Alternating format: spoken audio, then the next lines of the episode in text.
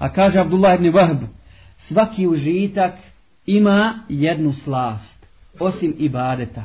Svaki užitak ima jednu slast, osim ibadeta. Ibadet ima tri slasti.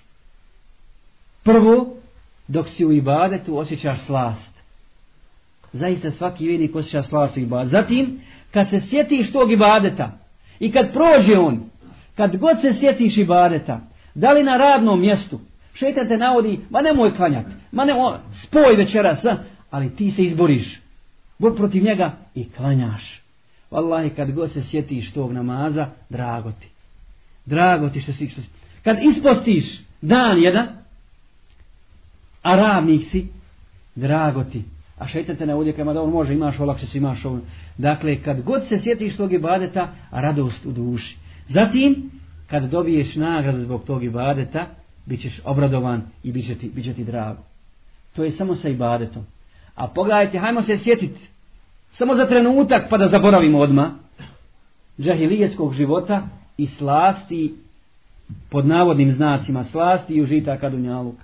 Kad god se sjetiš tih trenutaka, zgaditi se. Zgaditi se život. I ono što si ti nekad radio. Bez obzira kakve si šanse imao da činiš razvrat koliko si god htio. Kad se toga sjetiš, samo tuga. Samo tuga i žalost zbog toga što si vrijeme proveo, proveo u tome.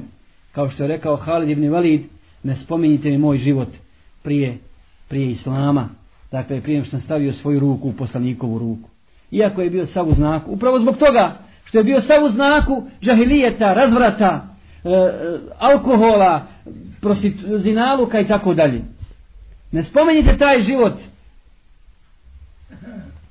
I tako je sa svakim vjernikom, sa svakom muslimanom i svakom muslimankom, kad se sjeti svojih grijeha i žahilijeta, grozi se nad tim. Izgražava se, ne želi niko da to sazna.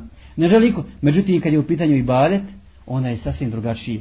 Pogledajte kolika je razlika između onih koji bdiju zbog šeitana i onih koji bdiju zbog Allaha Đelešanovu tražeći njegovo zadovoljstvo.